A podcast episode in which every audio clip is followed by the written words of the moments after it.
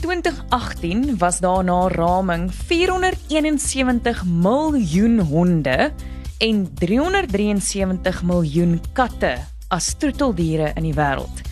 As jy dink daar's 332 miljoen inwoners in Amerika, dan beteken dit daar's meer troetelkatte in die wêreld as inwoners van die FSA. Skus as ons net die kat hier kan uitkry, is die vraag, wat was eerste? Katte of honde? Dis tyd om die kaf of eerder die kat van die koring te skei. Hoe nou? Met Suan Miller Maree en Gerard van Huisteen. Hoe nou word moontlik gemaak deur afrikaans.com. Jou tuiste vir alles oor Afrikaans. So, Gerard, dis my maklik om te weet, maar vir die res van die mense, sê vir ons asseblief, is jy 'n kat of 'n hondemens? O, oh, net honde. Hou niks Ek- van katte nie. Nee, ek kan nie dit eintlik sê nie. Ek het net in my lewe nog nooit katte gehad nie. Ons het nie met katte groot geword nie, niks nie. So ek kom van kindsbeen af, kom ek met honde saam en ek het nog net honde in my lewe gehad. En jy?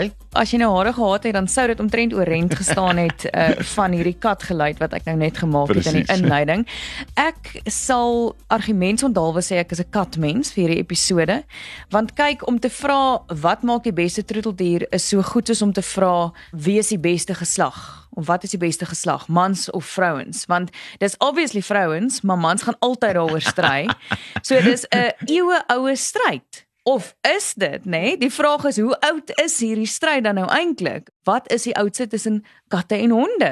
Raai jy? Ek raai katte. Nee, honde. Nee nou. Ja, nou. Hoe nou? So nou.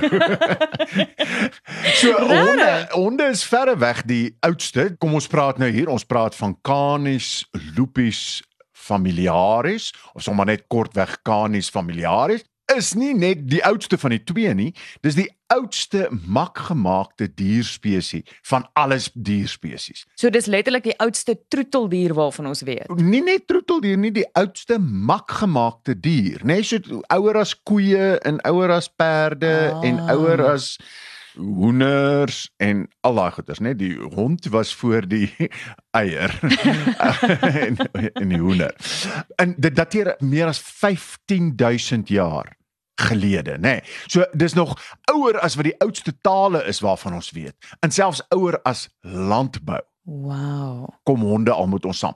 Maar nou sê ek 15000 jaar gelede. Nuutste navorsing wat in 2021 in die Proceedings of the National Academy of Sciences gepubliseer is. Reken dat honde selfs ouer is as dit. Volgens die navorsing is die gryswolf, nê, nee, dis die daai lupus van Canis lupus, mm -hmm. is die gryswolf meer as 23000 jaar gelede deur die antieke Noord-Siberiërs mak gemaak en later toe nou ooswaarts in Amerika se rigting ingevat en weswaarts in Asië en Europa ingevat. So 23000 jaar gelede. En opwaarts in die flieks sodat dit met enige cowboy movie so kan klink. Om dit bietjie meer eerie te maak, nê. Ek sien ons het baie moet geluidjies te doen Ooh, deesdae. jong, my seentjie kan al sewe geluide maak, hoor, ek werk mooi aan hom. Nou goed, dis interessant. Ek dink nie eers die aarde is so oud nie, maar dis 'n storie vir 'n ander dag. Ons stry nou genoeg oor katte en honde. Maar sê vir my, hoe oud is katte dan? So in vergelyking jonger is, nê? Nee? baie jonger dus as honde. So verlang is daar gedink dat katte eintlik maar kom uit antieke Egipte uit. So dat dit sou dan sê ongeveer 3000 voor die huidige jaartelling, nê. Nee. Maar die jongste navorsing ook en hierdie is nou van 2007 beweer dat katte reeds in die omgewing van 7500 voor die huidige jaartelling in die Midde-Ooste mak gemaak is. So Wow. 23000 jaar terug honde en katte dis 9500 Haai so hulle is jaar hulle katte is drasties jonger as drasties as jonger honde. As honde. Sjoe, dis baie interessant. Nou ja, of jy nou 'n kat of 'n hondemens is, net na die advertensie praat ons oor waar die benamings hond, kat en dog vandaan kom en as jy soet is, dan sal ek vir jou blaf. Afrikaans is so lekker soos koeksisters, braaibroodjies en kondensmelk koffie. Dit is jou taal. Dit is wie jy is en hoe jy leef. Daarom nooi ons jou. Kom skryf saam aan die toekoms van Afrikaans. Vir gratis leerhulp, taalnuus, vermaak, speletjies en meer, besoek www.afrikaans.com en volg ons op sosiale media. Koop dit, lees dit, praat dit, leef dit. afrikaans.com. Jou tuiste vir alles oor Afrikaans. Jy luister na Hoe nou met Gerard en Swan en Swan en Swan.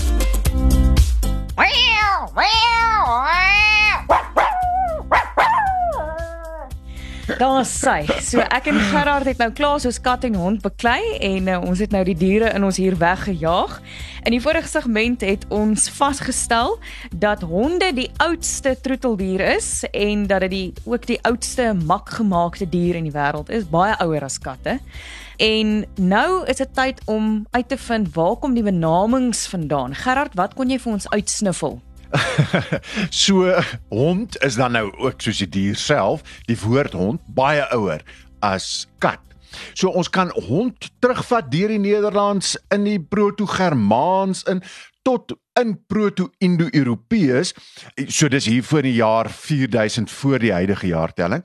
En dit kom uit ons het die twee forme daar gehad. Kunto waaruit ons hond kom. Kunto het hond geword by ons. Kunto met baie en, verbeelding. Met baie verbeelding Ja. en baie taalkunde daarbey Ja. saam. En Kwan, Kwan. En die Kwan het na Canis toe verander in Latyn en daarom kry ons vandag nog dat jy in Engels praat van canines, nê? Nee. Ah. En jou jou slagtande is jou canines dink ek of so iets, nê? Nee. Maar honde is canines. het Kwan ook in daai tyd hond beteken. Hond beteken absoluut van daai tyd af. af. So canines, die Engelse canines en ons hond kom presies van dieselfde plek af, soos ook die Engelse hound, nê? Nee, hond, hound, Ah, okay. alles dieselfde oorspronklike wortel gehad. En die Engelse dog dan? Daar so aan slaan jy 'n spyker op 'n baie seer kop. uh, Skies, skies sniffles. Want dit kom uit die oud Engelse dogga, D O C G A dogga. Maar op Etem Online sê hulle its origins remains one of the great mysteries of English etymology. So ons weet gewoon glad nie en dis een van daai misteries van waar kom die woord dog dan sommer hier te voorskyn, nê? Nee, hond en hound en so aan en canines kan ons alles mooi terug, maar niemand weet waar kom hierdie dogga vandaan nie. Ooh, ek love sulke misteries. Nou terwyl jy dan nou van sulke misteries hou, so kat se misterie is net so groot eintlik. Ons weet eintlik nie. Ons kan dit terugvoer kat en cat, né? Kan ons terugvoer na hierso 1300 voor die huidige jaartelling in Proto-Germaans kry ons al die woord katus of kato of kata, né? Maar waar dit presies vandaan kom, weet ons nie. Die vermoede is omdat ons 'n woord kry soos byvoorbeeld in Arabies, né, is dit kit. Q I T T. Kit is die woord vir kat. In Maleis kutsing, né? So ons vermoed daai kat, die woord kat, kom van die manier hoe ons katte roep, né?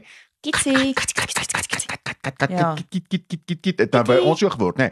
En dat dit eintlik maar die woord is waar ons aan die woord kat vandaan gekom het in Arabies dis kit en so aan. So daar is eintlik nog 'n misterie En dit sou sin maak want jy het gesê dat katte daar uit uh, Oos-Europa, Midde-Ooste vandaan kom, ja. Presies, Ja. onder andere. Nou vir die boerpot vraag. Hoekom praat ons van dit reën katte en honde? Nou, daar's baie teorieë daaroor en baie mites veral. En ek moes deur 'n klomp werk sif om by 'n antwoord uit te kom. Maar die aanneemlikste antwoord en wat algemeen aanvaar word. Die bekende skrywer Jonathan Swift wat vir ons Gulliver's Travels gegee het, né? Mm, mm, mm. Hy het in 1710 het hy 'n gedig geskryf, A Description of a City's Shower, né, nee, met ander woorde van 'n reënby in die stad. Skryf hy dan en dan moet jy onthou hier in 1710 het ons nou nog nie ondergrondse kanale waar die water kan rioolpype en sulke goeders nie. So alles is bo op die strate, Nie né? goeie dreineringsstelsels gehad. Glad nie, Ja. glad nie, glad nie. Skryf hy in hierdie gedig: Sweeping from butcher stalls, dung, guts and blood. Drowned puppies Oh. Stinking sprats all drenched in mud. Dead cats and turnip tops come tumbling down the flood. Oh, dis verskriklik. Nee, so so so soos dit nou so verskriklike reën beskryf hy hoekom hierdie verdrinkte Dis soos 'n tsunami wat al die dooie goed saam met dit saam met dit meesleep. sleep, nê. Nee. So dis die, die ons ons So. kry dit by hom in 1710 en dan in 1738 skryf hy dan inderdaad self in 'n brief skryf hy I know Sir John will go though he was sure it would rain cats and dogs. Sjoe. So ons kry dit dus eintlik uit Engels uit by die skrywer Jonathan Swift al hier in die 18de eeu. Jogg, en dit het eintlik dan 'n donker herkoms, nê. Nee. Presies. Nou is ons baie dankbaar vir voerpype en goed langs snelweë en so. Maar katte is dan dus kan ons sê meer gesofistikeerd as honde, want hulle gaan minstens op hulle pote land as dit katte en honde reën, nê. Nee. Wel, ek dink dis jou eie subjektiewe mening daar. En omdat jy gesê het subjektief, is dit nou tyd vir ons luisteraars reaksie.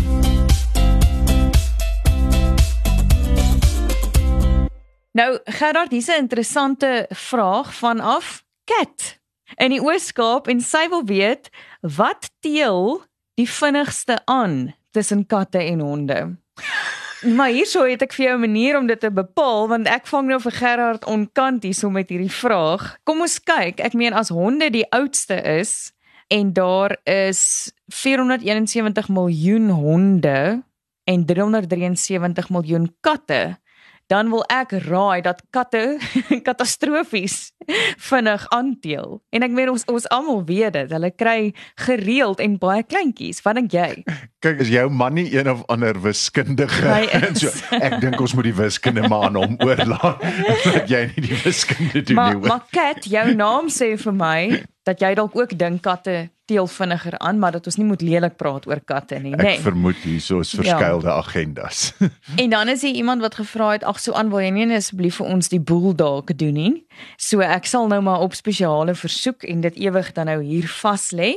Kyk, ons mos altyd die keffertjie en die groot hond wat by die hekke in Suid-Afrika blaf. Ek wil nou net eers weet is dit nou jou partytjie toertjie wat Ja. jy uitvoer? Absoluut nog al die jare, nog van voor die honde se bestaan af. So dis altyd die klein hondjie wat gaan En dan kom die groot hond.